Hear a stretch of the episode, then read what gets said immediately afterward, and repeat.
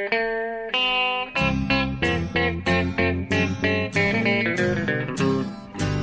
out there, we're on the air. It's hockey night tonight. Tension grows, the whistle blows, and the puck goes down the ice. The goalie jumps and the players bump and the fans all go insane. Someone roars, Bobby scores at the good old hockey game. Oh, the good old hockey game is the best game you can name. Hallå, hallå, hallå, hallå, hallå, hallå, hallå där, hallå, hallå där, hallå. Hallå och välkomna till eh, NHL-podcasten med eh, Jonathan Bambi Ekeliv som ni hörde där i, och jag ber få säga understryka det, Örby. För det är inte säkert att jag kommer att få säga det så länge till. Vi ska Nej. återkomma om det. Och eh, mig då, Per Bjurman i New York och vi får se hur länge vi säger det med för övrigt. Ja, Eh, jag hoppas vi ett tag till. Mm. Ja, men det kan vara på gång eh, att eh, ja, Amerika ska vara kvar men det kan bli någon annanstans. Jaha, okej, Vi får det se. en cliffhanger. Mm. Mm. Och eh, här eh, ska vi nu då spela in eh, vårt 296... Nej, vad är det? Jo, 296. avsnitt. Jajamän, Ja. ja. ja, bra. Ja, det blev det lite rörig start här, men 296. Yes. Eh, och eh, mitt under brinnande Stanley Cup-slutspel är det ju. Eh, jag till och med ser en match medan vi spelar in för det är en fruktansvärt eh, tight dag. Den, den sista stora urladdningen eh, vad det gäller antal matcher har vi idag. Denna onsdag som vi, spelar in. Ja, precis, exakt. Så det, det, ja, vi hade svårt att knö in den i någon lucka när det inte spelas matcher. Helt Ja, enkelt. ja. Så det, det, det är Boston Carolina som spelar medan, medan vi sitter här och spelar in. Ja, jag sitter i korrespondenten och ser med volymen av då eh, Boston Carolina Game 5. Eh, I nuläget efter eh, en halv period så leder faktiskt Carolina med 1-0 efter ett mål av Flurry. Just det, Hayden Fleury. Mm. Men det här är ju speciellt och jag får, jag får försöka hålla det i strama tyglar idag. Därför att eh, eh, någon timme här innan eh, vi började spela in så, så slog ju Tampa efter många om och men ut Columbus. Och eh, Ja. Tampa Boy Ekeliv är eh, i eh, extas. Ja, det får man ändå säga. Jag är, jag är i extas och samtidigt så har det varit en emotionell berg och dalbana. Alltså jag var nere på botten ett tag också. Eh, med tanke Ja. på hur det såg ut i den där matchen. Tog ledningen med 2-0 i en liksom, elimination game. De hade chansen att slå ut Columbus. Det, allt känns klart. Och så är det världens ras. De tappar till ja, till Ja. 2-2, till 2-3 och till 2-4 till och med. Columbus skjuter faktiskt 24 skott i andra perioden. Och det var nog bland det sämsta jag sett Tampa spela. Sen de mötte Columbus förra året.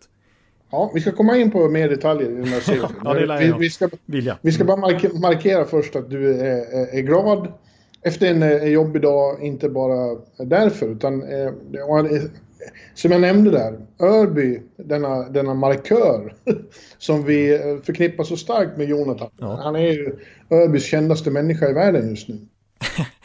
Det borde, resas en, det borde resas en staty i downtown Örby.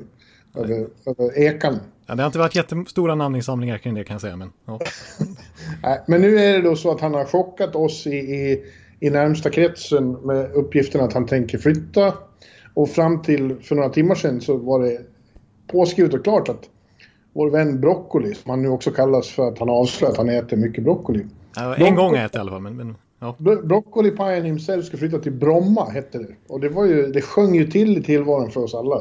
Jonathan i Bromma, det kändes som, ja jag vet inte, det kändes som Bruce Springsteen i, i, i Tanzania. Lika oväntat.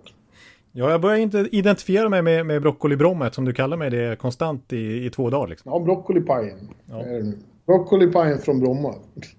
Det tycker jag är ett fint namn. Men då har det skitit sig då tyvärr eh, när du ringde som eh, backup väckarklocka åt mig idag eftersom jag behöver det Ja. de, dessa dagar. Eh, så var du nedslagen för det hade skitit sig. Men, men Tampa räddade dagen och eventually så kommer du ändå flytta kanske inte lika långt från Örby men du är på väg ut.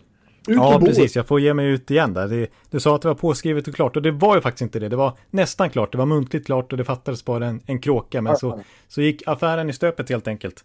Men jag, jag, det, jag, jag känner mig lite som... Ja, nu löste ju Tampa det här till slut. Men ett tag trodde jag att de var influerade av mig. Att de tänkte, serien är klar nu. Vi, vi tar ut det här i förskott och sen så skiter det sig. Det var det jag råkade ut för. Och det är lite så med slutspelet, vet du. Man, jag har inte varit ute så mycket på bostadsmarknaden förut. Jag, jag tog det för givet liksom. Det här, den här, det här är dealat liksom. Men eh, elaka storebror som du brukar säga. Att, eh, innan ja, man varit ute där ett tag liksom och, och lärt sig bli lite rutinerad, då, eh, då kan man åka på lite smällar. Så ja. Att, eh, jag får komma tillbaka starkare, precis som Tampa gjorde nu och lärde sig att faktiskt knyta ihop säcken till slut.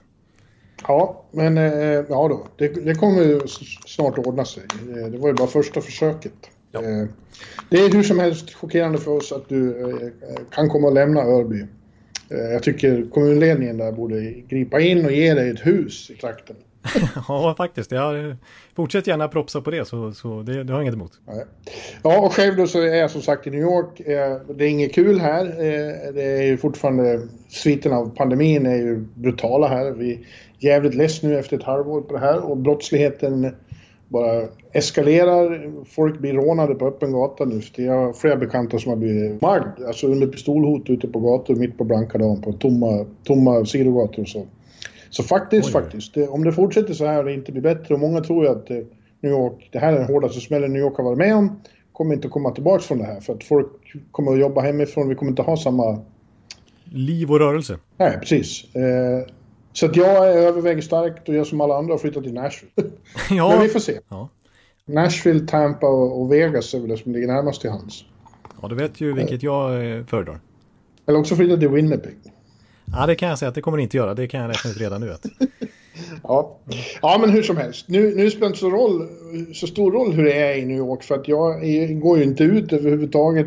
Inte på grund av att det är farligt ute, utan på grund av att jag inte hinner. Det är ju så fruktansvärt intensivt med detta slutspel. Fem matcher idag. Ja. Slutar mitt i nätterna. Jag, jag, oj, nu var det nära 2-0. Eh, och eh, bara skriver och skriver och sen har jag svårt att sova och så får du ringa och väcka mig och så är det nya intron och nya referat och nya krönikor och nya intervjuer. It's, it's uh, all time high vad gäller intensitet. Ja, det får man säga och just det här också som jag varit inne lite på att tidigare att matcherna liksom, det är lite som hockey-VM att det börjar på morgonen nästan, i alla fall på, vid lunchtid och sen håller det på som du säger fram till natten. Så att ja. normalt sett så är det lite mer komprimerat och massa matcher på kvällen istället. Nu, ja. nu, blir det ett heldagsprojekt. Ja, och nu när vi har kommit så långt så är ju alla matcher avgörande så det är svårt att skippa någon och bara säga att det här får någon vanlig reporter ta. Det går inte riktigt. Nej. Alltså vi har ju morgonreportrar som kommer in och, och, och stöttar. Ja, stöttar. Man kan inte lägga över hela ansvaret när det är avgörande matcher. Men å andra sidan så kommer det snart att tunna ut sig. När vi är nästa omgång så är det betydligt färre matcher. Ja. Två matcher om dagen förmodligen. Precis, och samtidigt som vi varit inne på, jag tror många lyssnare ändå tycker att det här är ett kul upplägg, alltså att man har möjlighet att se alla matcher ja, i sin helhet, att de avlöser varandra. Ja, absolut. Det är ju som jag också har predikat, för mycket av det goda är underbart. Ja. Det, har ju varit, det har varit en underbar fest och sådana här dagar som idag, det, det är nästan bara helt avgörande matcher. Det är magiskt, såklart. Men det är också intensivt och, och jag skulle behöva ligga vid en pool någon dag. Ja, precis. Och så är det podd nu dessutom. Va? Vi, ja, har, vi har mycket att diskutera. Det har hänt liksom väldigt mycket i respektive serie sen senast vi pratade. För det var en preview. Då hade de inte ens börjat spela det riktiga slutspelet. Nej. Nej, och vi kan väl eh, ge oss i kast med det på en gång. Och enklast är ju då att börja med, match, med matchserien som nu blev avgjord eh, framför våra ögon för några timmar sedan. Ditt Tampa slog ut eh, Columbus då. Eh. Och fick, eh, fick sin revansch för fjolårskatastrofen i första omgången mot just Columbus. Ja, det var väldigt skönt och, och ni som eh, inte vill höra mig gasta på om Tampa Bay, ni får väl spola fram helt enkelt. Men det är lika bra att riva av det här direkt, känner jag. ja, nej, men det var, det var skönt och ja, det var inte helt utan besvär, men det blir ändå 4-1 i matcher trots allt. Så att jag tycker att Tampa totalt sett, trots den här kollapsen i andra perioden som jag precis har sett när vi spelar in det här, är värda faktiskt att gå vidare i det här slutspelet. Ja, det var en konstig eh, femte match här i, i och med just att de var, de var överlägsna första tio och så gick upp i 2-0 ledning och det kändes som det här är redan klart. Ja. Men sen tappade de då allt eh, och började ta en jävla massa utvisningar också. Ja, visst. Väldigt odisciplinerat och, och, Som har hafsigt en typisk Tampa-grej som har liksom pågått hela säsongen egentligen, att de tar mycket onödiga utvisningar. Dels här i slutspelet, under grundserien var ju faktiskt det tredje mest utvisade laget. Ja, ja så, som, som du säger då så, så blev de ju totalt eh, krossade i andra perioden och, och 24 skott bakåt och, och, och eh, Columbus vänder mm. till 3-2 och sen 4-2 i tredje perioden. Eh, och jag skulle vilja säga det här, att vad som hände sen är väldigt signifikativt för eh, och borde gjuta mer hopp i Tampa-fansen än vanligt. Att de kommer tillbaks, krigar sig in i matchen fast de egentligen inte förtjänar det. Det är ju skillnaden mellan Tampa i år och Tampa de närmast fyra föregående säsongerna. Eh, ja. Att eh, de, för, förra året hade de inte rest sig från det här. Nej, absolut. De var inte i närheten. 0-4 matcher. Ja. Nej, men alltså, jag menar bara en sån sekvens när man, när man har hamnat i underläge och tar emot. Då har man inte haft den mentala styrkan. Nej, precis. Det var ju en liknande sekvens i Game One i den serien. De började ju faktiskt liknande då, ännu bättre till och med. Hade 3-0, det glömmer man ju bort, i första matchen i Game One förra året. Det, det, det kändes ju klart nästan redan då att de var så överlägsna som ja. man trodde på förhand. Och så tappade de ja. torsken med 4-3. Och så kom de aldrig igen i hela serien faktiskt.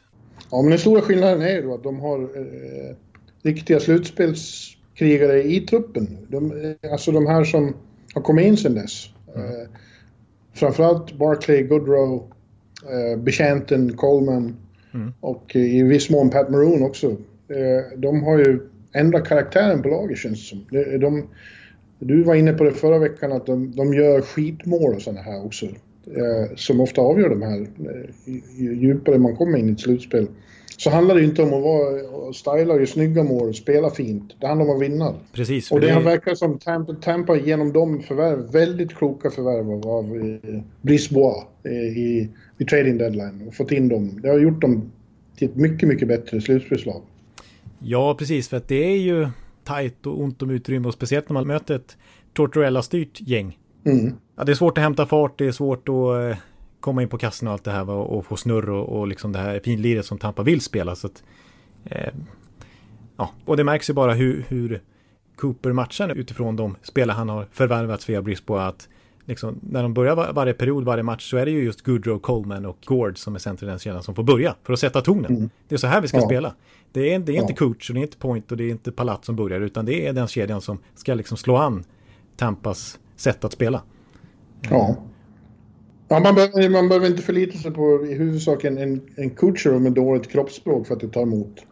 Nej, precis. Och grejen är att visst, Point har ju varit har ju ja, avgjort två, två, två stycken eh, overtimes och sådär och Kutjovs poäng har ändå trillat in i hyfsat hög grad i, här i, i serien och i round robin-matcherna. Men de har faktiskt inte gjort ett enda mål i powerplay. De gick ju 0-10 i, i powerplay i den här serien mot Columbus. Så att de har ju faktiskt inte levererat riktigt utan det som gjorde att det att det faktiskt löste sig, att knutarna, Columbus knutar liksom löste upp sig för Tampa, det var ju energispelarna. Ja, samtidigt som de har då givna matchvinnare, sådana som Point. Liksom. Det är ju ingen tillfällighet att han avgör både idag och, och den... Ja, vi har inte varit inne ens på den, har vi? Nej, det var, den spelades precis efter förra gången vi spelade in. Med fem övertidsperioder, sammanlagt åtta perioder. Det var ju... Eh, liknar ingenting man har sett. Det var ju fjärde längsta matchen i historien. Det var helt galet. Eh, och de vinner den också, det är jag inte heller säker på att Tampa hade gjort när pågått så länge förut. Nej, precis, att de faktiskt har den mentala styrkan. Men det där är, det där är en gammal käpphäst hos mig, att vad det gäller slutspel, att, det är ju ofta så att fem mot fem så får eh, de stora artisterna, stjärnorna, de blir ju så hårt uppvaktade och får så lite tid och utrymme och svängrum. Eh, så de, de blir raderade långa stunder. Och det är därför sådana som Coleman. Betjänten som jag säger för att han eh, delar namn med betjänten i, i ombytta roller, den gamla mildly amusing filmen med Eddie Murphy och Dan Aykroyd. Ja, just det. Mm. Eh, Typiskt Bjurman-referens. Ja, eh, eh, där... Det är sådana som måste kliva fram då. Det är ju lika för, för, för alla lag. Ja, precis. De, de superstars som ändå lyckas producera i 5 mot 5, de, de, är så in i helvete bra så att det eh, går inte att stoppa men det är svårt. Sen så det är sådana här Gaudreau och sådana, det är inte lätt. Nej, precis. Och när vi kommer in på, på Washington-serien sen så måste jag, ja, då, då, ska jag inte gnälla på spetsspelare, men på, på breddspelarna, vad, vad de inte har bidragit med i den serien för ett sånt topplag. Liksom, det är viktigt då att breddspelarna kliver fram, att man har det. Man har djupet. Oh. Men ja, jag, jag, tycker generellt sett här på att man har ju ändå spetsen, man har ju ändå skickliga spelare i alla fyra kedjor. Och liksom kollar man på siffrorna här så är det ju ganska de har 100 fler skottförsök totalt över fem matcher. Eh, mm. De har 50 fler målchanser registrerade. Eh, så det, var, det är ju rättvist. Trots allt. Så även om, ja, ja, ja. Det är ingen som har sagt något annat Jonathan. Nej. Du, du behöver inte gå i defensiven. Nej, precis. Så det, och så Vasilevski i kassen, 85% i fjol, 90, 94% i år. Ja, men det är ett bra lag och, och bra backar. Viktor var ju en jävla tur att han kunde spela. Annars hade det blivit svårt tror jag. Ja. Eh, men även en sån som Ryan McDonough har ju varit väldigt bra. Ja, jo. Shattenkirk gjorde, ja, och, och Shattenkirk gjorde viktigt mål. Det var ju tydligen den i andra periodpausen som ställdes upp i omklädningsrummet och höll ett tal också. Ja, uh, ja det är bra. Mm. Eh, men Columbus ska ju ändå ha beröm. De har gjort det väldigt bra. Alltså, de har ju fantastiska karaktärsspelare. Seth Jones visste man ju var bra, men jag tycker att han har varit... Ja, I vissa sekvenser har det varit rena, rena Lidas över Seth Jones. Ja, precis. Han, han har varit... Han är ju Norris-mässig. Ja. Han är ju på den nivån. Sen tyckte jag att det märktes faktiskt på honom i den här serien. Även om Columbus gjorde en stark sista match här, att, att han blev lite trött. För det blev ju väldigt mycket hockey för Columbus. Ja, de förlorade ju den där åtta perioders matchen och, och det, det, det, tog ju hårdare på dem. De, matchen därpå var de ju bra och vann. Mm. Men, men sen så tycker jag nog att det har märkt, framförallt i Game 4, märktes att de var trötta. Precis, och de gick alltså fem matcher mot Toronto också. Och en del övertid i den serien också. Så att de har ju fått spela mest av alla lag. Ja, men de ska ändå ha beröm. Eh, det var en, det var en, en eh, intressant eh, sessioner eh, och få lära känna dem. Och man, kom, man kommer att sakna lite Kukan och, och Hästbol och Gustav och Dubois och, och Wennberg. Och Wennberg har gjort det väldigt bra. Jättebra, han studsar verkligen tillbaka och fått igång sin NHL-karriär ordentligt. För han var en av Columbus bästa ja. spelare. Ja. Mm. Och sen Dubois som vi hyllade mycket förra veckan hade med i, i den veckans lag. Som vi tar ut i slutet ja. av podden. Eh, han tycker jag växte ut till en kanske inte superstjärna, men verkligen en profil i ligan. Cooper har, har ju pratat om honom nu efter den här matchen och hyllar honom enormt, att han är en cornerstone player. Ja, precis. Verkligen så här ponduscenter liksom. Lite ja. franchise-center håller han på att växa ut till faktiskt. Eh, tar ansvar. Han är lite Ryan, mini Ryan O'Reilly på något vis. Ja, det är, ja och så Korpisalo då som har varit med i vårt All-Star-lag flera gånger och eh, ja, han var ju tidvis helt magnifik. Ja, precis. Och i den där långa åtta perioders matchen så satte han ju... Blev det räddningsrekord till slut? Han hade väl 85 räddningar eller sånt där. Ja, eh, ja. Att, eh. ja, men de får åka hem till Ohio och eh, Tampa stannar kvar i bubblan och får möta, ja, kanske Boston. Eh, som vi sitter och tittar på nu. Ja. Den serien eh, är ju då, det är 3-1 till Boston efter fyra matcher. Men just nu då, i slutet av första perioden så står det 1-0 till Carolina i, i femte matchen. Eh, så det är inte avgjort på några sätt, men annars så fick man ju känslan framförallt i senaste matchen då att nu har Boston vaknat. Och Boston blivit mer Boston Bruins som de var i grundserien och hela förra året.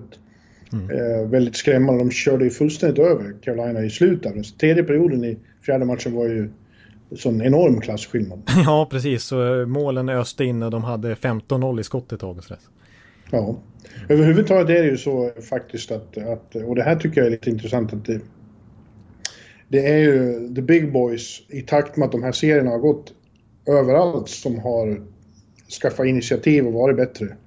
Eh, och det här tror jag kan vara en effekt av, av det här upplägget vi har nu. Att de som vill ställa till med upsets och uppstickare som, som skräller och så. Mm. Det, det, tror jag eh, bygger väldigt mycket på hemmamatcher med, med fans i ryggen och, och liksom sådana X-faktorer runt omkring. Mm. Eh, I det här formatet nu, när de spelar inför tomma läktare, alla är på samma ställe, mm. så, så, så blir liksom den, den grundläggande klasskillnaden blir mer utslagsgivande än i ett vanligt slutspel. Mm. Ja, det är möjligt. Tydligt är i alla fall att eh, storklubbarna har börjat varva igång. Både öst och väst. Att, eh... Ja, men tror du inte det kan ligga något i det? Ja. Det är mycket lättare att skrälla hemma i, i, i ett helt, helt, helt vansinnigt eh, PNC-center i Raleigh med grisar och, och annat och kanoner i, i, i Columbus och så vidare. Precis, och samtidigt kan hemmapubliken bli en belastning för det liksom favoritlaget. Eh, buas ja, om det, inte, om det inte stämmer. Och dessutom så behöver de inte det är ingen som reser, det är ingen som blir sliten av att resa genom en massa tidszoner och, och så. Det, det, var någon som sa det igår, vem var det? Ja, det var någon Vegas-spelare som sa det. Ja, I'll take the travel. Det är bara att promenera tillbaka till hotellet. Ja, exakt.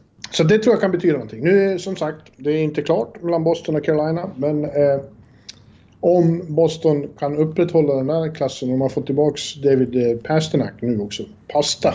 Ja. Är med. Så det är mer kolhydratrik eh, anrättning idag. Ja, det får man säga med, med, med pasta i laget. Ja. Nej, men 3-1 eh, i matchen som sagt just nu när vi spelar in i alla fall. Och eh, ja, jag tycker ändå att det oundvikligt att inte komma in på, på Tuckan då. Ja, det kan man tycka. Ja, man kan tucka det. Mm. Man kan tycka att vi ska prata om honom. Ja, han, äh, här i helgen då så kom ju äh, rätt så chockerande beslut, äh, beskedet att han hade lämnat, lämnat bubblan äh, och avbrutit säsongen och åkt hem till familjen för att han, äh, ja, han ville vara med familjen istället. Det här var inte vad han ville vara med om helt enkelt. Nej, precis. Alltså, det är svårt att spekulera exakt och, och det, man har ju full rätt att göra det här också. Det, det var ju frivilligt att vara med i det här slutspelet. Så vill man opt-out så innebär ju inte det några konsekvenser. Och, och som sagt, han ville hem till familjen, fick sin eh, tredje dotter här i våras. Oh. Och sen var jag inne på faktiskt efter Game 2, det var ju den de torskade mot Carolina. Carolina faktiskt gjorde en riktigt bra match. Eh, då sa jag en del kommentarer som antydde ganska tydligt att motivationen inte var där. Han sa ju dels att han inte är i great shape och han sa att it feels dull at times att spela de här matcherna i och med att det inte är han, han känner ändå av att det inte är någon publik och, och det ger inte honom samma tävlingsnerv. Mm. Han sa till och med att eh, han sa faktiskt att Eh, resultaten inte betyder så mycket för honom här. Nej, Nej och, och, och, känner man så och inte motiverad så ska man inte vara med. Och, och jag, alltså det var ju otroligt få, bara några dumma fans som, som har kritiserat honom. Han har fått fullt stöd från laget eh, och från media nästan utan undantag. Eh, vi är, det är 2020 nu liksom. Det är klart att en, en, en, en, en människa som vill vara med sin familj och prioritera det, självklart ska han göra det.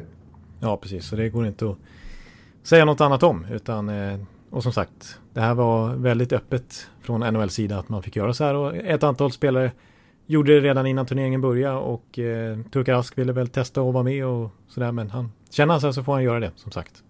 Ja. Eh, även om det sjunger till, sjunger till naturligtvis när en Vesina nominerad första keeper väljer att, lämna mitt i en slutspelsserie. Ja, men nu har ju, de har ju en väldigt bra andra målvakt i Halak som har, har vunnit slutspel åt lag förut. Eh, och eh, det har ju gått utmärkt sedan han kom in. Det är väl bara oroande om han också går sönder eller så. Då, då står de lite väldigt... Då står de med den här Vladar som aldrig har gjort en NHL-match i sin karriär. Nej, så det, det, är väl lite skakigt på så vis. Men, men eh, så far har det gått bra. Och all lycka till Tucka och hans familj tycker jag.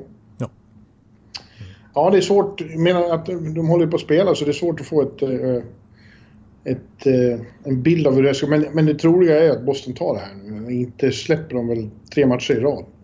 Nej men som du säger, vi ifrågasatte dem lite grann förra veckan i vår preview och båda tippade faktiskt 4-3 till Carolina då som ju kom med en väldig skjuts in i, den här, i det här slutspelet efter 3-0 i matchen mot, mot Rangers i play-in. Men det var ett Rangers som ju har lite svängdörrar i försvaret.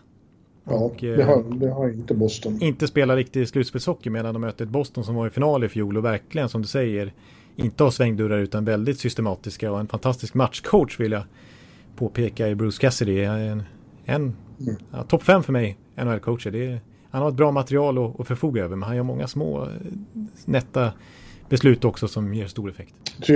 Brad Marchand sa det eh, efter här i veckan att det är en, av de smartaste coacherna någonsin har stått på. Riktigt intelligent. Ja. Marchand, när du nämner honom så, så har ju han kommit igång också. Han är faktiskt den som ja, när vi spelar in det här i alla fall, leder poängligan i första rundan.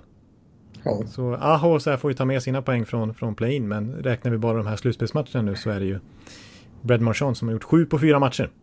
Så att eh, den mördande första kedjan som vi kritiserar då och, och istället benämnde Ahos kedja som mördande så, så är det faktiskt eh, Marchand som har överglänst topplinan i Carolina.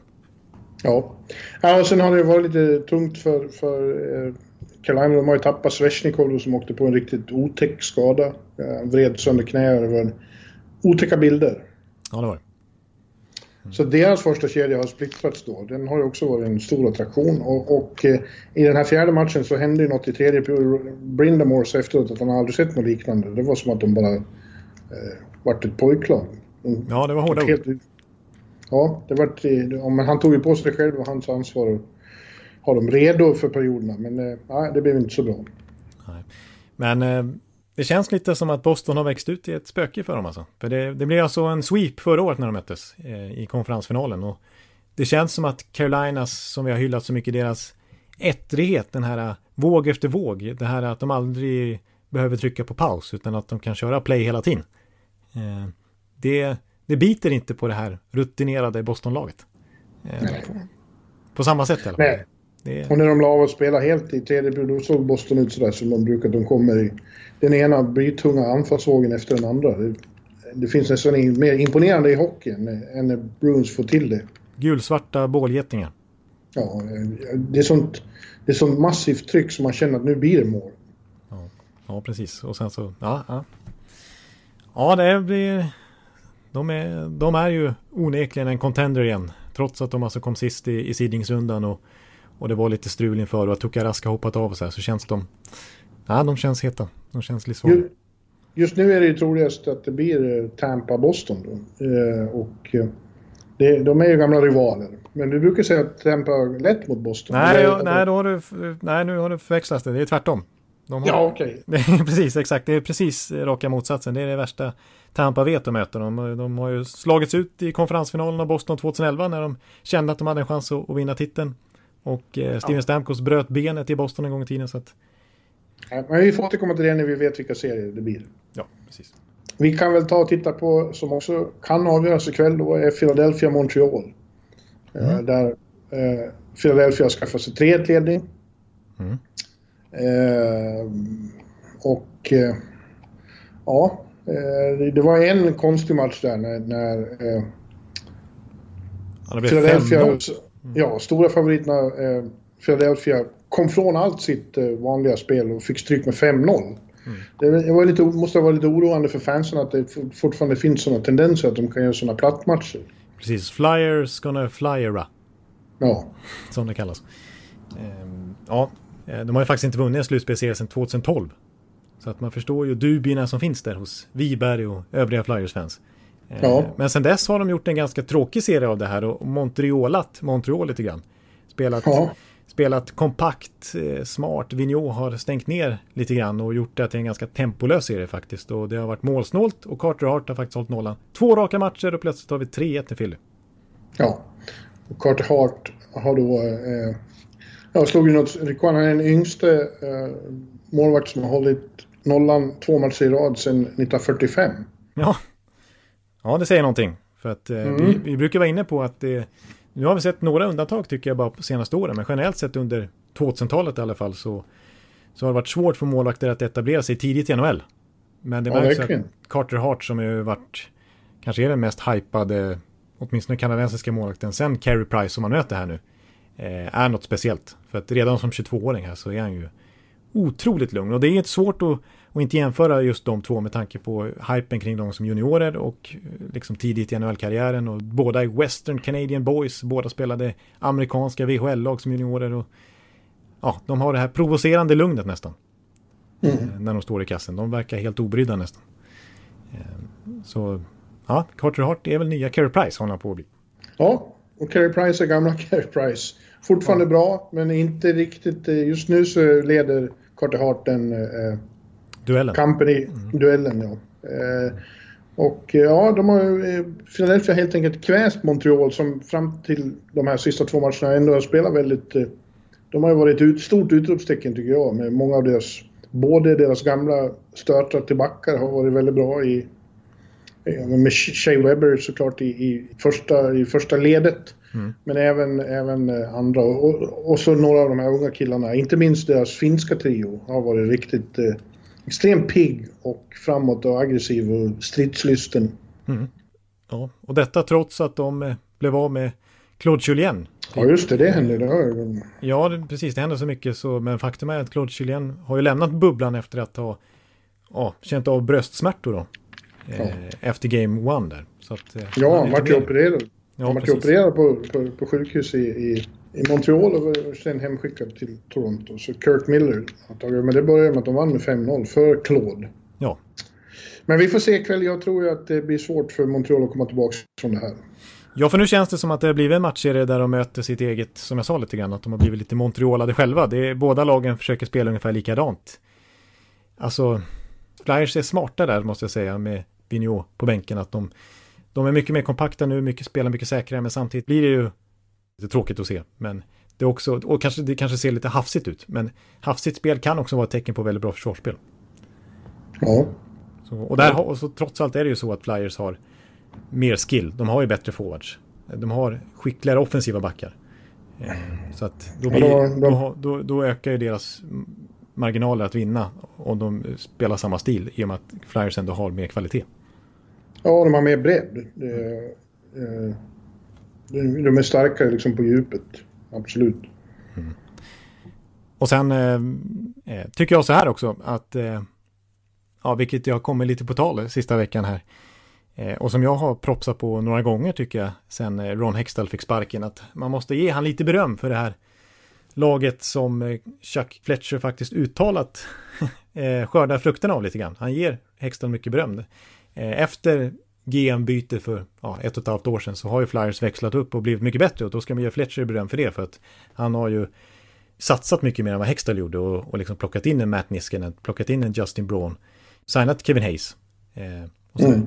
Men eh, många av de här är liksom, alltså nya unga spelarna som har liksom ändå livat upp det här eh, Flyers-laget är ju Hextall-killar från hans rebuild där han liksom lyckades kränga bort Le Cavalier. Han, han fick ju ett väldigt eh, omodernt ålderstiget lag med flera tunga kontrakt. Andrew McDonald, Niklas Grossman, eh, Luke Chen, Scott Hartnell och sådär. Vad, vad tog han över där 2013, 2014 någonstans? Och, och det är han som har draftat Carter Hart. Det är han som har draftat Travis Konechny. Provorov. Provorov. Eh, Oskar Lindblom, Nicolas Aubé-Kubel, Philip Myers ja, och så vidare. Ja. Eh, Provorov skrev jag häromsisten eh, och jag skulle vilja hävda att jag hade rätt där. Att eh, Provorov är bästa ryske backen sen Sergej Zubov. Håller du med? Ja, Andrei Markov gillar det också. Men, eh, men absolut. Provorov är otroligt bra. Och jag kan inte låta bli att återigen hylla hans skridskoåkning. Jag tycker han är en av NHLs bästa skridskoåkare. Kanske inte liksom nödvändigtvis om man bara baserar på snabbhet och så här, men när det kommer till smidighet och förmågan ja. att röra sig i alla riktningar när som helst. Ja, där påminner han väl lite om Subov just. Ja, ja precis. Att, nej, ja, du, nämnde, du nämnde ju Oskar där också. Det finns en Oskar Lindblom-effekt i det här, hävdar åtminstone Robert Hägg när jag pratade med honom på telefon. Och det har ju flera där sagt att Oskar är dykt upp i bubblan och, och som Hägg poängterade, vi har aldrig förlorat när han är runt laget eh, sen han kom tillbaks. Mm. Eh, vi, han, han, inspirerar enormt. Ja, precis. Och det är inte att förringa heller. Och, och, vem vet, det kan ju faktiskt bli så att Lindblom till och med återkommer till spel, alltså mindre än ett år efter cancerdomen och all cellgiftsbehandling och så vidare. Det är ju helt eh, overkligt nästan. Ja, ja, vilken happening det blir om han kan det. Och det är enormt. Ja, ja eh, vi har en serie till i öst. Eh, som vi trodde kanske skulle ta slut redan igår. Och det är då Islanders mot Washington. Eh, där Islanders dominerar kraftigt i tre matcher och i en period igår. Men sen hände det saker med, med Washington som innebar att de faktiskt eh, kunde vända. Ja, faktiskt. Det var ju Ovechkin och det var Kuznetsov och så vidare. Det, det, det var storfräsarna som verkligen satte fart och, och, bestämde sig för att de inte skulle bli svepta. Och eh, ja, du skrev ju faktiskt i bloggen vill jag påpeka då. Ja, alltså jag trodde ju att äh, i och med att Islanders även i denna tredje match gick upp i 2-0 ledning och äh, spela mot dem när de har ledning brukar vara så in i helvete jobbigt. Så jag, jag slog ju fast direkt att, att, att det var som att, att, att ge Lewis Hamilton tre varvs försprång och sen försöka komma ikapp med en bajamaja på släp bakom en bandtraktor. Ja. då, då, är det svårt att komma ikapp. Ja, det, det går inte. Men eh, det hände ju, alltså det var ju för att Alex Ovechkin plötsligt bestämde sig för att han ville vara kvar i bubblan. Ja. Han åkte på en smäll och så blev han vansinnig och så vände han på det där och fick med sig hela laget. Ja, precis. Och, och Lewis Hamilton fick lite punktering eller någonting. Någonting hände. Ja, de fick för första gången spela hockey som de inte vill spela. Det var Washington som satte tonen. Det är ju mycket så det, eh, det handlar om i de här serierna. Att vilket lag som är den som force its will on the other team. Ja, precis. Och till slut så svängde momentum faktiskt. För annars har ju varit knöligt för, för Washington efter ja, ett stort bakslag redan i match 1 när Bäckström gick sönder. Ja, eh. Han åkte på en omtalad tackling av Ernst Lee som jag tycker var ganska ful. Så tillvida att den var ju blindside ja. och, och, och sen. Ja. Jag förstår inte att det inte blev mer eh, efterspel på det. Men nu är det som det är och han har en misstänkt hjärnskakning. Vi vet inte när han kommer tillbaks. Nej. Förhoppningsvis kanske i femte matchen. Men eh, det har varit, Washington har inte varit bra i de där tre matcherna medan Islanders har dikterat villkoren med sin massiva eh, den är ju framförallt försvarsinriktad men sen har de ju några matchvinnare eh, i forwardslinjerna också, helt klart. Ja. Eh, jag kommer tillbaka till att Jean-Gabriel Peugeot mm. var ett fynd i trade deadline, men de har ju även Lee och Barzal och Bailey. Och, och Bovillier. Och, och Bovillier. Ja. Mm. Ja. Och som jag sa lite förra veckan, de har, några av de här yngre spelarna som Barzal, som Bovillier har blivit ett år äldre och ett år bättre och har slutspelserfarenhet nu också. Och, ja. och jag vill påstå att det här Islanders-laget, jag, jag, jag klumpar upp fyra lag av de här uppstickarna som, som lite liknande i sätt att spela. Eh, och det är Islanders, det är Columbus, det är Montreal och det är Arizona. De, mm. de backar hem ganska mycket ändå och så är de ettriga när de väl får chansen och de är jobbiga att möta och sådär. Och, och jag skulle vilja säga att Islanders är det bästa, ja, bäst, liksom bästa kvaliteten på spelarna trots allt av de fyra lagen. Islanders är bäst i klassen och har bästa coachen, den som vet mest om hur det där ska göras. Precis, och kan ju Todd Reardons playbook utan och innan, hur, hur Washington ja. vill spela. ja, varit, han, har, han har ju sopat banan med Reardon fram till, fram till igår då. Ja, när, när Ovechkin bestämde sig för, för att vinna den matchen. Ja. ja. ja. Men, eh, ja, och så, så tycker jag också så här, Backsidan i Islanders måste man ändå hylla. Den som ju fick så mycket kritik för några år sedan innan Trots kom dit för att eh, det var den som släppte in mest mål i hela NHL. Eh, men mm. några av de där spelarna har verkligen tagit stora kliv. Alltså, det är lite anonyma första backparet där med Pellick och Pulock.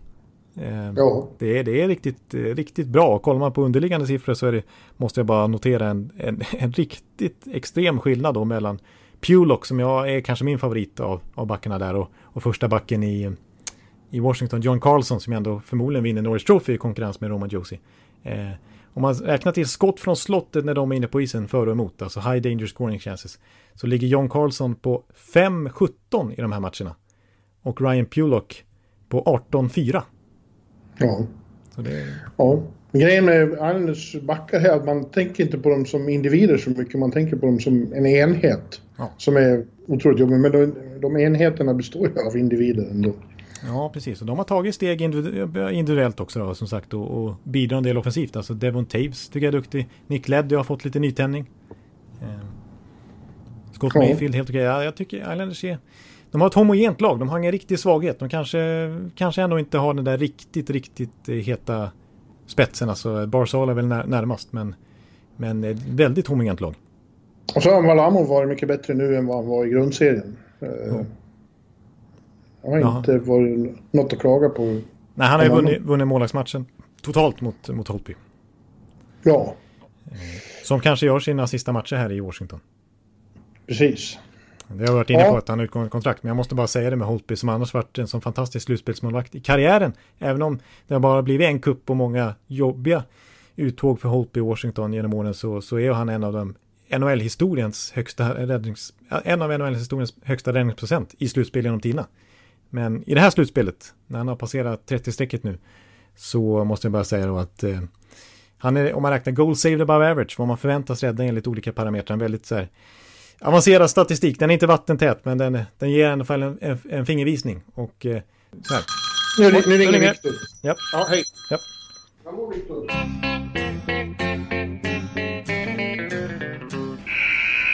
Ja, där blev det ett litet har, vänta, har du inspelningsknappen intryckt? Ja, den är på. Mm. Ja, där blev det eh, lite speciellt. Eh, ett avbrott i inspelningen eh, som eh, säger en del om hur eh, intensivt det här är. Victor Hedman ringde då eh, för Jag sökte honom på, på Twitter efter matchen mot, mot den avgörande matchen mot Columbus. Ja.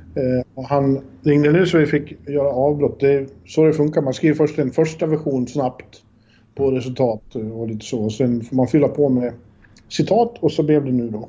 Ja, precis. Jag har inget emot att Victor Hedman stör podden. Det är helt okej. Han var väldigt glad. Ja, det förstår jag. Ja. Ja, man får läsa i tidningen, det, det mest eh, kanske anmärkningsvärda han sa att han ville hylla Kutjerov. Han sa att eh, Kutjerov under sista tio och i förlängningen var helt suverän. Det var han och Braden Point som, som vann matchen åt oss, våra superstars. Mm, han gjorde en bra... Ja, han, gjorde, han var ju han som kvitterade nästan i alla fall. Han sköt ju pucken på skridsko in och sen så var det han som spelade fram Braden Point avgörandet. Så att, mm. Mm. Trevligt. Så var det. Ja, men du var ju mitt uppe i en utläggning om din kompis Braden Holtby.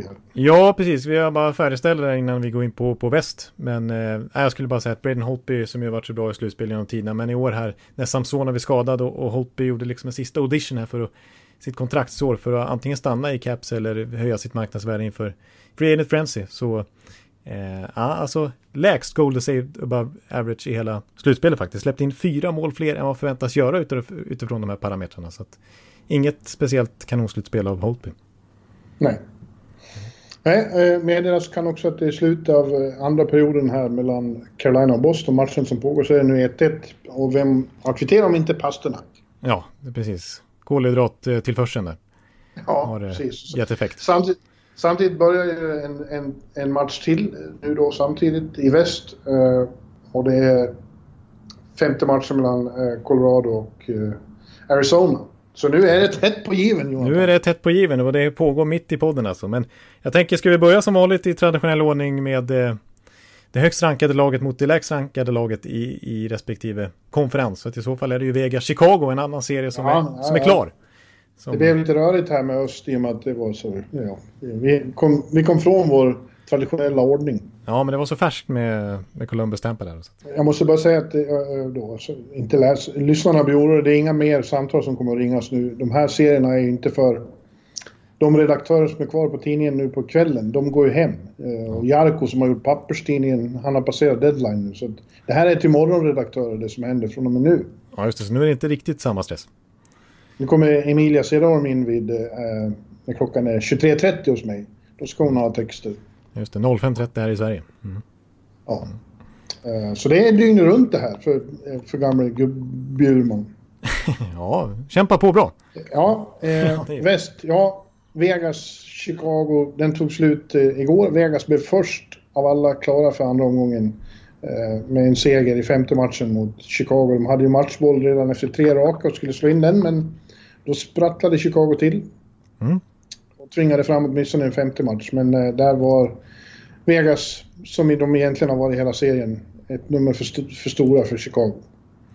Ja, precis. Jag är otroligt imponerad av Vegas. Förra veckan så sa jag att Avalanche är det lag som har imponerat mest på mig. Tätt följd av Vegas. Och jag skulle säga att ja, Vegas Ja, de är otroligt bra och känns väldigt slutspelskompatibla måste jag säga. För de har verkligen den här kombinationen som vi alltid pratar om. Att man måste naturligtvis ha skill. Men man måste ha tyngden och energin.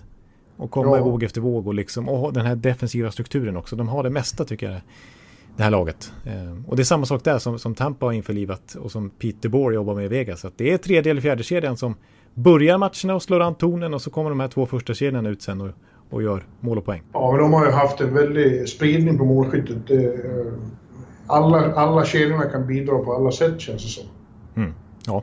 Ja, nej, de ser fruktansvärt starka ut. Eh, eh, givet att de ska gå vidare från den serien. Chicago har gjort det här bra. De fick ju en gratis chans att hoppa in i slutspelet igen och lovade sig själva att göra något riktigt bra av det, den gratischansen.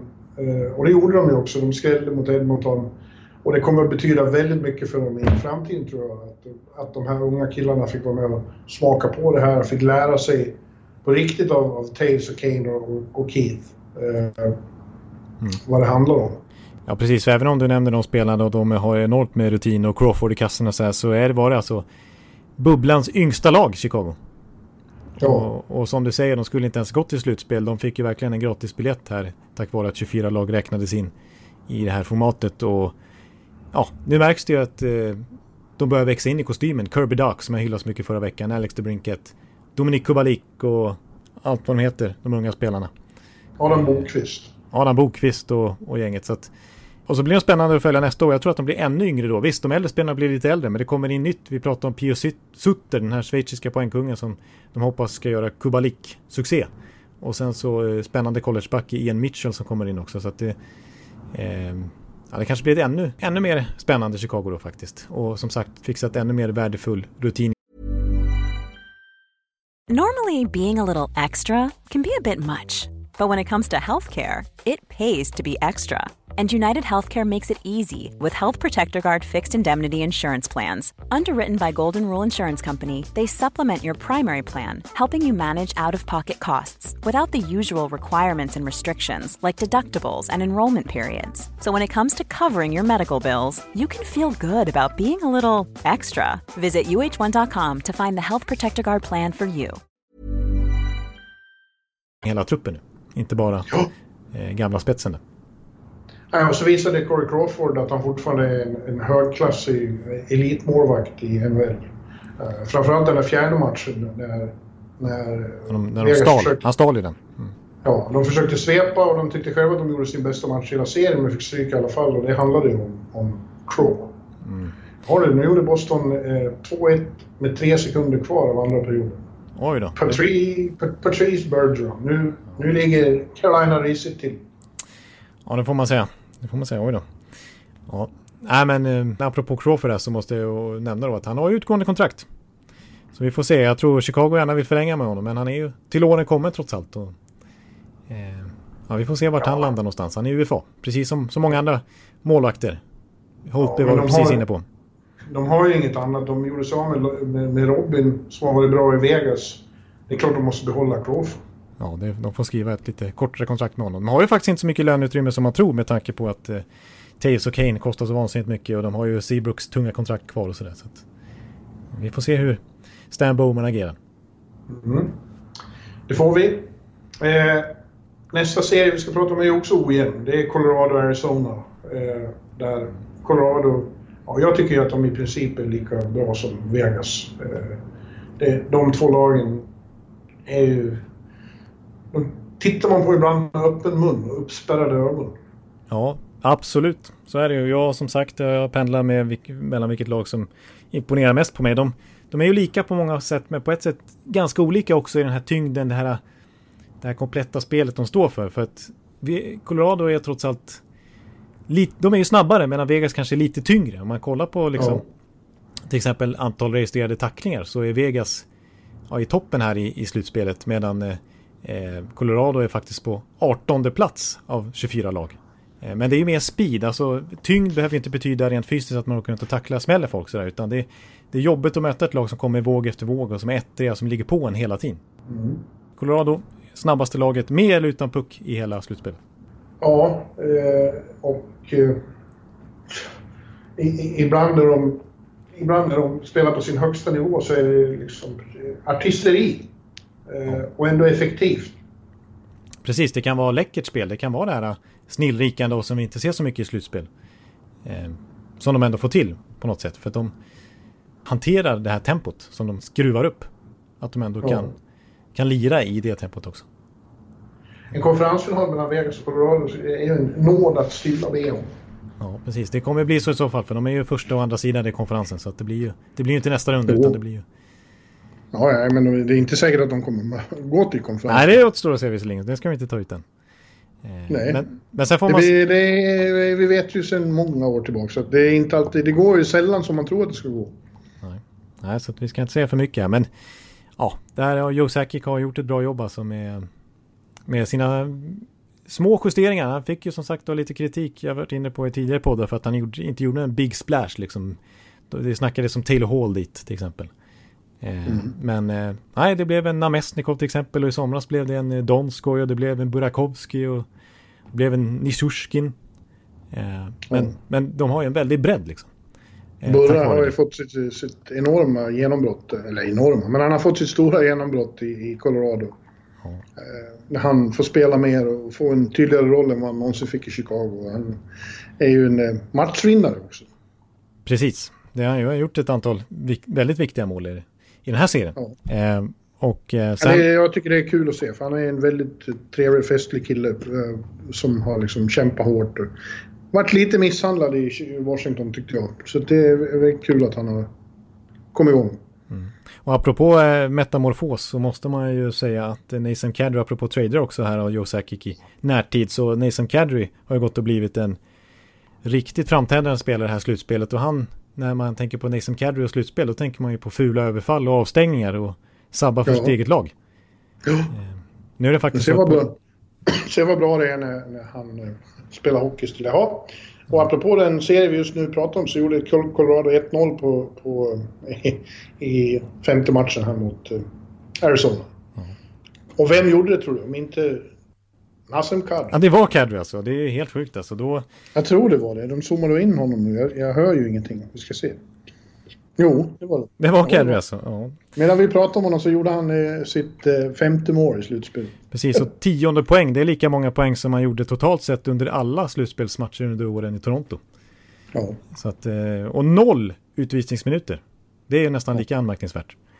Ja. Eh, faktiskt. Så att, eh, och, och snacka om att eh, Colorado och Joe Sakic vann den traden. Det var ju mycket snack om att eh, Barry trots allt var den bästa spelaren och skulle passa perfekt i Toronto. Så blev det inte och han kommer förmodligen lämna som UFA från Toronto medan Kadri har ju gått och format en fantastisk one-two punch med McKinnon i, ja. i Colorado. Mm.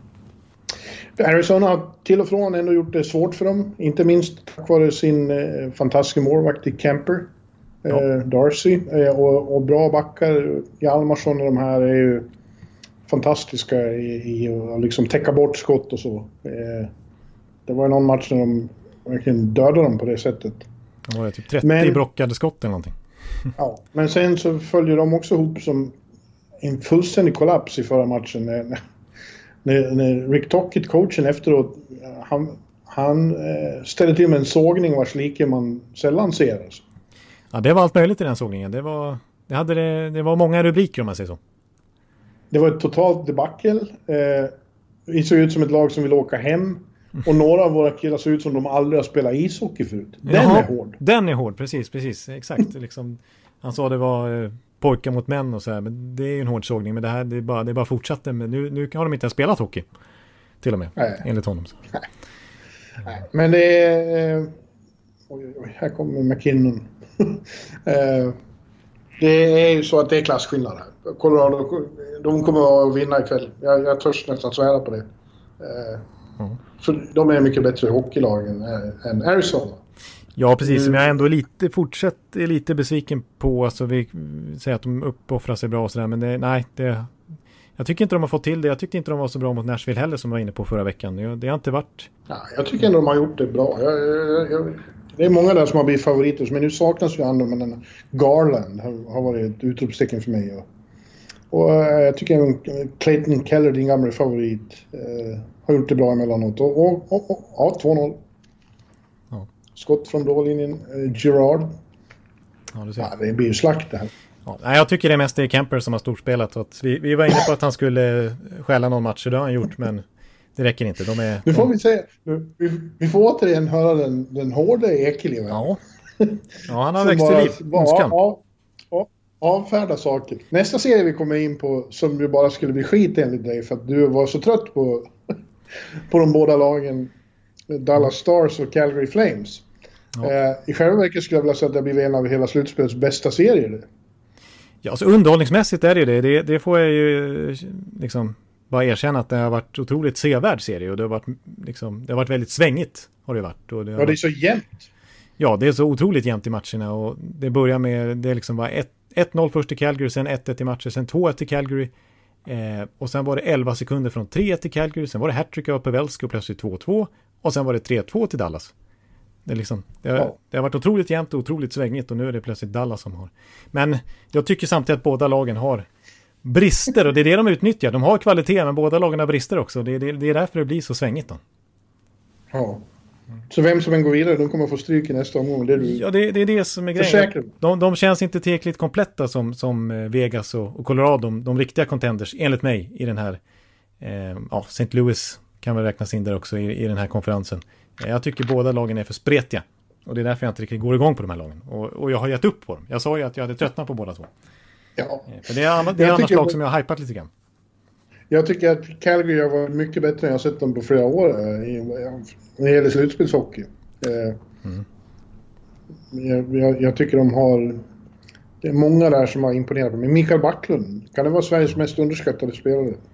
Ja, det är ju en väldigt habil center i alla fall. Det måste man onekligen säga. Och han har varit, varit bra i den här serien. Men återigen, 0, 5 mot 5. 0, 5 Dubé också. Ja, Dylan Dubé, det är sådana. Sam Bennett har klivit fram och så För mig är, för mig är han Dube. Du vet som alla Gårde och Kase. Och nu har jag fått en Dube att hålla på också. ja. ja, precis. Det var en gång en det var en, gång en liten Dube. ja. Ja. ja, men eh, och, och Dallas eh, tycker jag i, i de sista matcherna har visat eh, liksom vinna, vinnarskalle. Inte minst vår vän John Klingberg.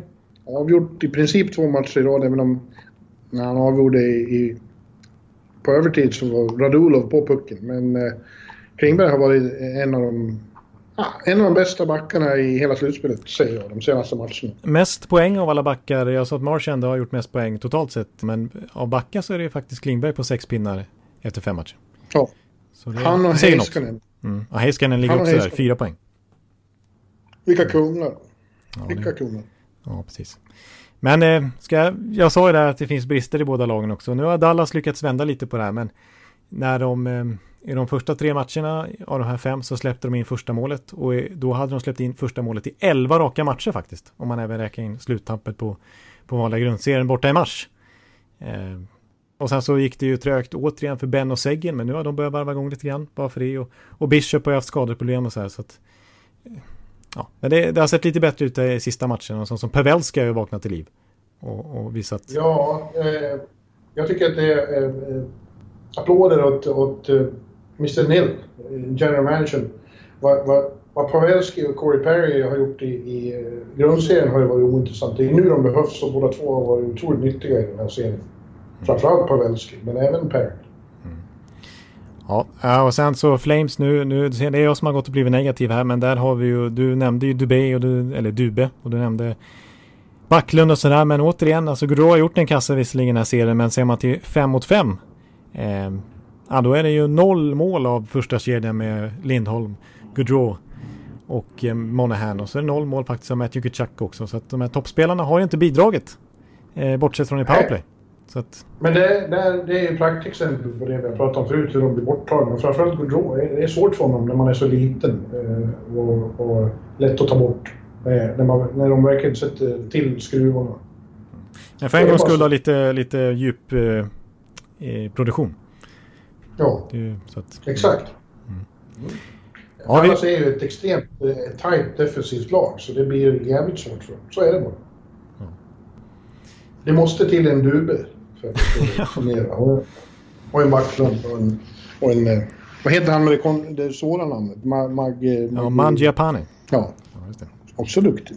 Ja, jag ser fram emot att se fortsättningen. Så jag tycker det har varit väldigt underhållande matcher och, och spännande hela tiden. Så du får, du får avfärda dem hur mycket du vill. Jag gillar dem. Jag, jag kommer att gilla det lag som går vidare från den serien. Okay. Jag tror att det, det laget kan ställa till med en upset mot dina två favoriter Vegas och Colorado. Ja, Okej, okay. ja, det blir en spännande följetong då. Jag har ju som sagt, jag kan inte gå tillbaka nu så mycket som jag har sågat dem, utan nu får jag stå för det. Ja. De har inget i slutspelet att göra, har jag sagt. Vi har en fjärde sista serie, eller åttonde och sista serie, ska vi säga. Eh, att avhandla och det är då St. Louis och Vancouver. Som jag också har följt med väldigt stor eh, förtjusning. Mm. Eh, framförallt två första matcherna, då var ju då var Vancouver väldigt bra. Jag har blivit otroligt förtjust i Vancouver. Oj då. Mm. Jag, tycker, ja, jag tycker att de har varit fruktansvärt kul att titta på. De spelar med sån lust och samtidigt, samtidigt har liksom lärt sig eh, vad slutspel går ut på så snabbt. Det sa vi redan tidigare att efter en match mot Minnesota var det som att det var en aha-upplevelse. Det är det här det går ut på. Ja, precis. Och från match två samtidigt framåt har det blivit, ja. ja. Men samtidigt har det blivit svårare och svårare mot St. Louis som nu har kommit igång. Eh, och du ser samma sak där. Det är, Vancouvers powerplay är ju mördande. Mördande? Verkligen. Ja. Men eh, den, den fina kedjan med, med, med Elias och, och Miller mm. och, och Besser. Eh, Besser har ju väldigt svårt att få till det i 5 mot 5. Det är inte, alltså när, när St. Louis har hemmaplan, så att säga. Ja, när de får Då, eh, då, välja byte. då matchar de, ja, då matchar de O'Reilly mot Elias hela tiden. Och, svårare motståndare. O'Reilly är ju... Ja, i, i, i första matcherna gjorde de ju det. Eh, Ja, det var då de var hemmalag. Ja, förlåt. Eh, exakt. Men här i sista matcherna så, ja precis, då försökte Vancouver få bort Elias från Ja, O'Reilly. Och så blev det. Men då var ju O'Reilly otroligt dominant.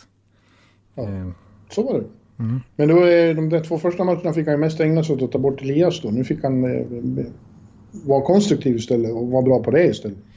ja, precis. För att eh, ja, vi, vi, vi måste ju hylla Elias naturligtvis. Och, och även Bo Horvath och några till i Vancouver som verkligen kliver fram. Unga spelare som tar för sig och, och, och spelar slutspelshockey. Eh, men Quinn Hughes. Quinn Hughes, ja, som vi, jag hyllade något enormt förra veckan. Då. Eh, Ja. Men eh, sen måste man ju återigen bara understryka att det är ingen, det är ingen tillfällighet att Ryan O'Reilly vann Conn Smythe i fjol och att han är, vann Selke då, att han är nominerad igen. För att han är kanske, ja, för mig är han liksom slutspelets, eh, den ultimata slutspelsspelaren har han vuxit ut till alltså.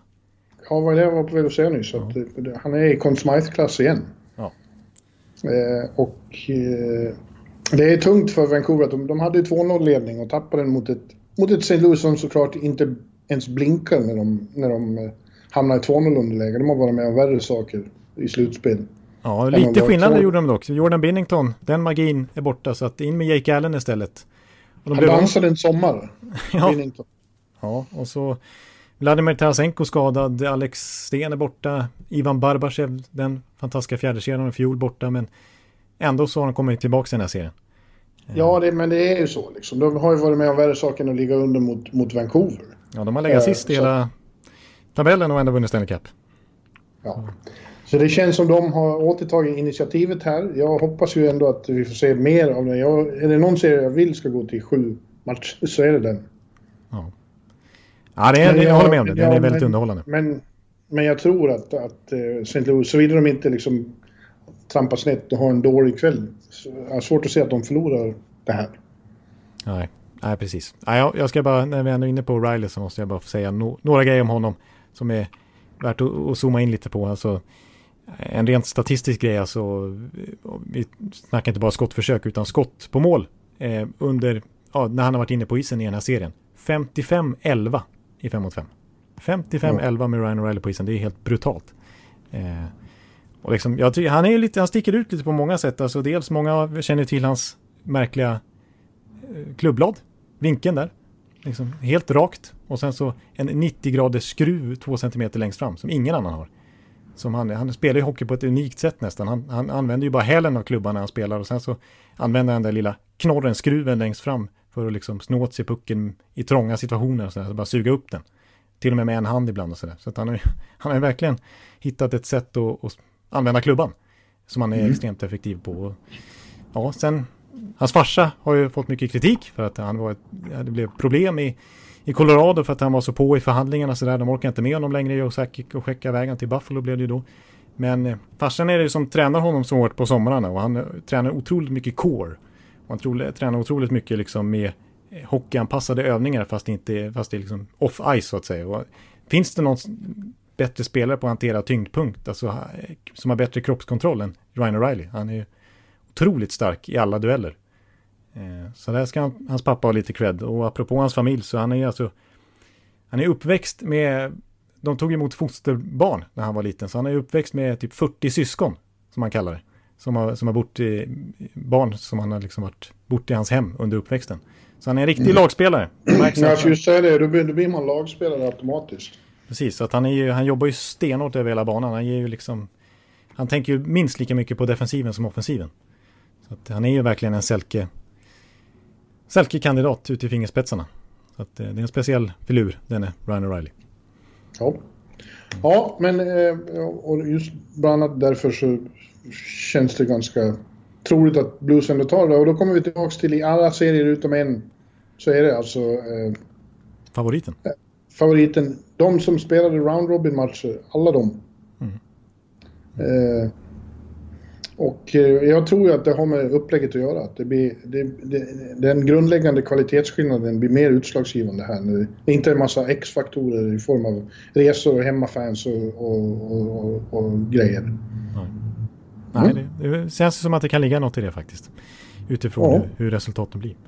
Eh, vi får väl nämna också att eh, Markström kan ju vara en X-faktor för Vancouver. För han har varit väldigt bra den här serien trots allt. Så att, Ja. målvaktsmatchen leder de, Vancouver. Ja. Ja, det, det ska bli så kul. De spelar ikväll också. Det ska bli... Och, och jag tror att den som... Ja, om, om Vancouver vinner den här femte matchen, då blir det väldigt intressant. De har ju ändå... De är väldigt gröna på det här, men, men har, har, har gjort det mycket bättre än andra som har varit gröna. Ja, precis. Ja, det måste, jag, det måste jag verkligen säga. De hade alltså, innan de åkte på två torsk nu så hade de alltså fem raka segrar. Tre raka mot Ja. Minnesota och två mot självaste regerande mästarna. Ja. Mm. Ja, eh, nästa vecka när vi pratar då får, får vi väl gå igenom de serier som blir nästa omgång. Fyra serier. Det blir spännande. Ja, precis. Då är vi klara med den här första rundan. Då blir Ja. det... Då zonar vi in på runda två istället. Men innan vi eh, avslutar så måste vi ju ta ut All-Star-laget. Alltså veck, Ja. veckans lag för, för den här sen senast vi pratade. Ja. Och jag har inte hunnit göra det. Men jag har några men då har jag gjort det den här gången. Förra veckan var det jag som glömde och, och du som, som fick eh, ta ut det helt enkelt. Men jag har, eh, jag har tagit ut ett lag. Mm. Eh, får se hur du reagerar på det. I målet har jag satt Carter Hart. Ja, det skulle jag ha gjort också. Det, det är svårt att snacka bort hans två nollor, historiska två nollor. Mm. Sen på backen har jag Klingberg naturligtvis. Ja. Eh, poängbäst. Och sen har jag en liten eh, skräll kanske, men jag har tagit Alec Martinez från Vegas. ja, det var en skräll. Jag trodde du skulle ta eh, Pullock från, från Islanders. Eller Quinn Hughes. Ja, Quinn Hughes Eller igen. Cale Mm. McCarr. Ja, McCarr har varit väldigt bra i Colorado också. Men jag vill understryka att det var en bra deadline-värvning av Vegas och, och det, han har verkligen format ett fantastiskt backpar med Shea Theodore som ju jag berömt tidigare som en riktig elitback numera. Och så Martinez som ju framförallt stark defensiv men som även bidrar offensivt. Han har gjort 4-5 poäng hittills i slutspelet och eh, också helt otroliga underliggande siffror i den här serien mot Chicago. Så i skott från slottet framåt emot 29-8 för Alec Martinez på isen. Fråga Henrik Lundqvist vad han tycker om Alec Martinez. Ja, det är inga glada miner då. Han är en matchvinnare också alltså. Ja, vi. precis. Och jag har trots allt avgjort en Stanley Cup-final. Mm. På forwardsidan, då tar jag ju Ryan O'Reilly. Det, Ja, det är givet. behöver ju inte argumentera för det. Utan jag har redan gjort. Eh, sen blev det ju Brad Marchand. Ja. Trots allt mest poäng här. Och eh, sen fanns det många att välja på. Men jag tar faktiskt Matt Barzal. Ja, det är inte så dumt. Men som sagt, det finns många att välja på. Eh, I Colorado och sådana. Men de har, de har inte haft så... Ja, Kadri hade man Lika bra mot- De har inte lika bra motstånd som eh, de andra. Ja, så att eh, Hart, Martinez, Klingberg, O'Reilly, Barzal, Marchand är veckans lag den här veckan. Ja. Ja, fint du. Ja, då... Eh, Nu, ska, nu är det bara att sätta igång och blogga igen. Matcherna rullar för fullt. Ja, precis. Det blev lite avbrott i bloggen här för podden. Så att, eh, Ja. det är bara att återgå till det normala igen. Så. Det här är nog den intensivaste dagen på någonsin kanske. Ja, det är trots allt fem otroligt heta matcher. Det är podd och det är blogg. Och det är texter och referat och allt möjligt. Och Hedman ringer mitt i podden och så vidare. Så att, Det är andra dagen i rad hinner jag inte gå ut alls genom dörren. Eh, jag har inte ätit än fast klockan är kvart över sex. Eh, jag måste beställa någon mat nu. ja, ja, då är nog nästan bäst att vi lägger på. Och sen så hörs vi igen då. Då får vi se om det avsnittet kanske dyker upp lite tidigare nästa vecka. I och med att vi helst vill spela in det innan nästa runda börjar. Ja, vi får se. Ja. Tack ska du ha, broccolipajen. Broccolipajen från eh, Örby tills vidare. Ja. Ja. Vi säger tack och gör för den här gången. Ja, det gör vi. Tack för att ni lyssnar. Hej, hej. Hej! Hallå, hallå, hallå. Hallå, hallå, hallå. Alex Chiazot, Joe Luis Arena och Esposito. Esposito. Uttalsproblem, men vi tjötar ändå. Och alla kan vara lugna, inspelningsknappen är på. Bjuder Hanna Kohl, han är grym i sin roll. Från Kållesoffan har han fullständig kontroll på det som händer och sker. Det blir ju allt fler som rattar in hans blogg. Och lyssna på hans podd. One, two, time, speed, so Hallå, hallå, hallå. One, two, time, speed, so Hallå, hallå, hallå. Ekeliv, som är ung och har driv. Verkar stor och stark och känns allmänt massiv. Han hejar på Tampa och älskar Hedman. Sjunger som Sinatra. Ja, och det ser man. Nu är det dags för refräng. Dags för magi, Victor Norén. Du är ett geni. Så stand up and tone and remove your hats. Höj volym, för nu är det plats. One, two, time, speed, so Hallå, hallå, hallå. One, two, time, speed, so Hallå, hallå, hallå. One, two, time, speed, so Hallå, hallå, hallå. One, two, time, speed, so Hallå, hallå, hallå. Det är otroligt länge sedan båda samtidigt var så här bra. Hallå, hallå, hallå. Det är otroligt länge sedan båda samtidigt var så här bra.